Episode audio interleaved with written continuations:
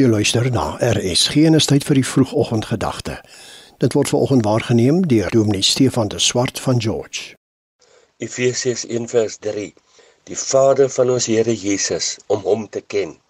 Die karakter van die Vader, die beklemtoning daarvan moet altyd gebalanseer word deur ook sy weë te verduidelik, sy weg met ons, die pad wat hy met ons stap.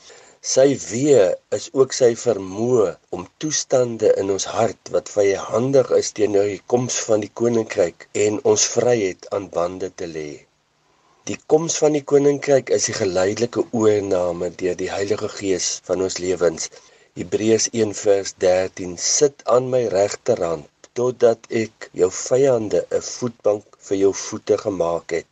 Die vyand in die Nuwe Testament is nie meer mense nie, maar behalwe die bose is dit toestande in en invloede op ons harte wat ons gevange hou. 1 Korintiërs 15:24 Daarna kom die einde as hy alle heerskappy en alle gesag en mag vernietig het.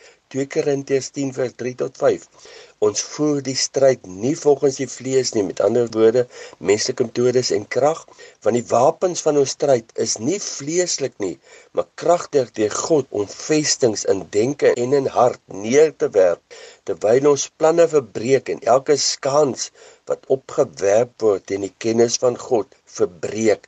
Die skanse is leuns aangaande sy karakter wat verbreek word. 2 Tessalonisense 2 vers 4 die teestander, natuurlik die bose maar ook die gedagtes van die gelowige wat hom verhef bo al wat God genoem word of voorwerp van aanbidding is sodat hy in die tempel van God sal sit en voorgee dat hy God is.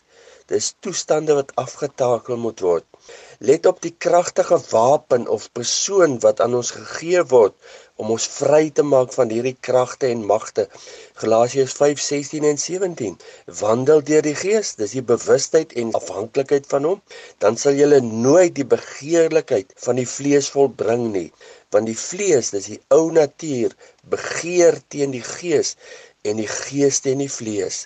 Dis die Heilige Gees is permanent gegee om aan ons daai stiekkrag te gee teen die begeertes van die ou mens. Vader, Dankie vir die koms van die koninkryk in ons harte. Maak ons bewus van hierdie stryd tussen gees en vlees. Amen.